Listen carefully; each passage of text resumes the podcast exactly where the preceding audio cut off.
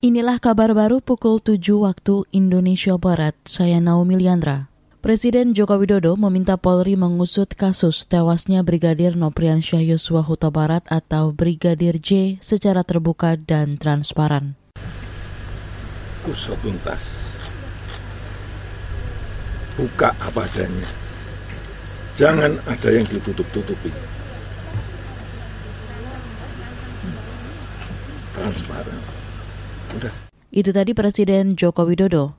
Mabes Polri berencana melakukan autopsi ulang terhadap jasad Brigadir J.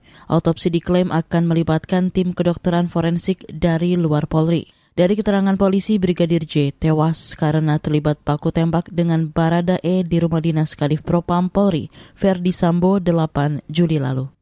Bank Indonesia mengungkapkan nilai tukar rupiah Juli 2022 mengalami depresiasi lebih besar daripada bulan Juni 2022.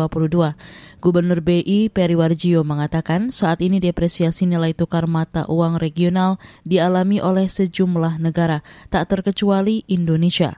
Meski begitu nilai tukar rupiah bulan ini dikatakan relatif masih lebih baik dibandingkan dengan yang terjadi di sejumlah negara berkembang lainnya, seperti Malaysia, India, dan Thailand.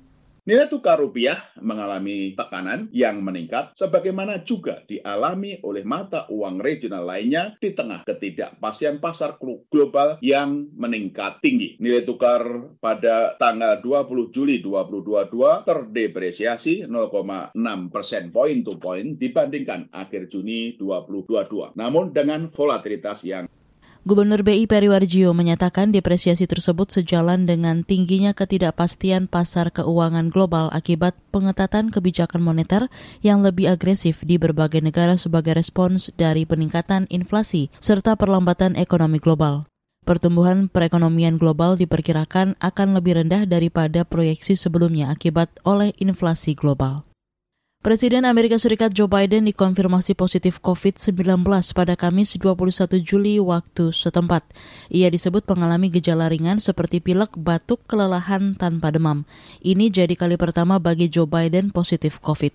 Sekretaris Pers Gedung Putih Karen Jean-Pierre mengatakan pihaknya sedang melakukan tracing kontak dekat. Diketahui Biden telah meningkatkan keterlibatannya dengan publik setahun terakhir karena Gedung Putih telah mengubah pendekatannya terhadap pandemi. Sebelum Sebelumnya dia melakukan perjalanan ke Somerset, Massachusetts untuk acara tentang tindakan eksekutif iklim. Di sana ia terlihat berjabat tangan dan menyapa hadirin di kerumunan luar. Biden juga baru pulang dari lawatannya di Timur Tengah bertemu para pemimpin dunia di Israel dan Arab Saudi. Saat berada di luar negeri, Biden terlihat berjabat tangan dan memeluk pemimpin lainnya. Biden kini menjalani pengobatan menggunakan obat antivirus besutan Pfizer Paxlovid. Saudara, demikian kabar baru KBR. Saya Naomi Liandra undur diri.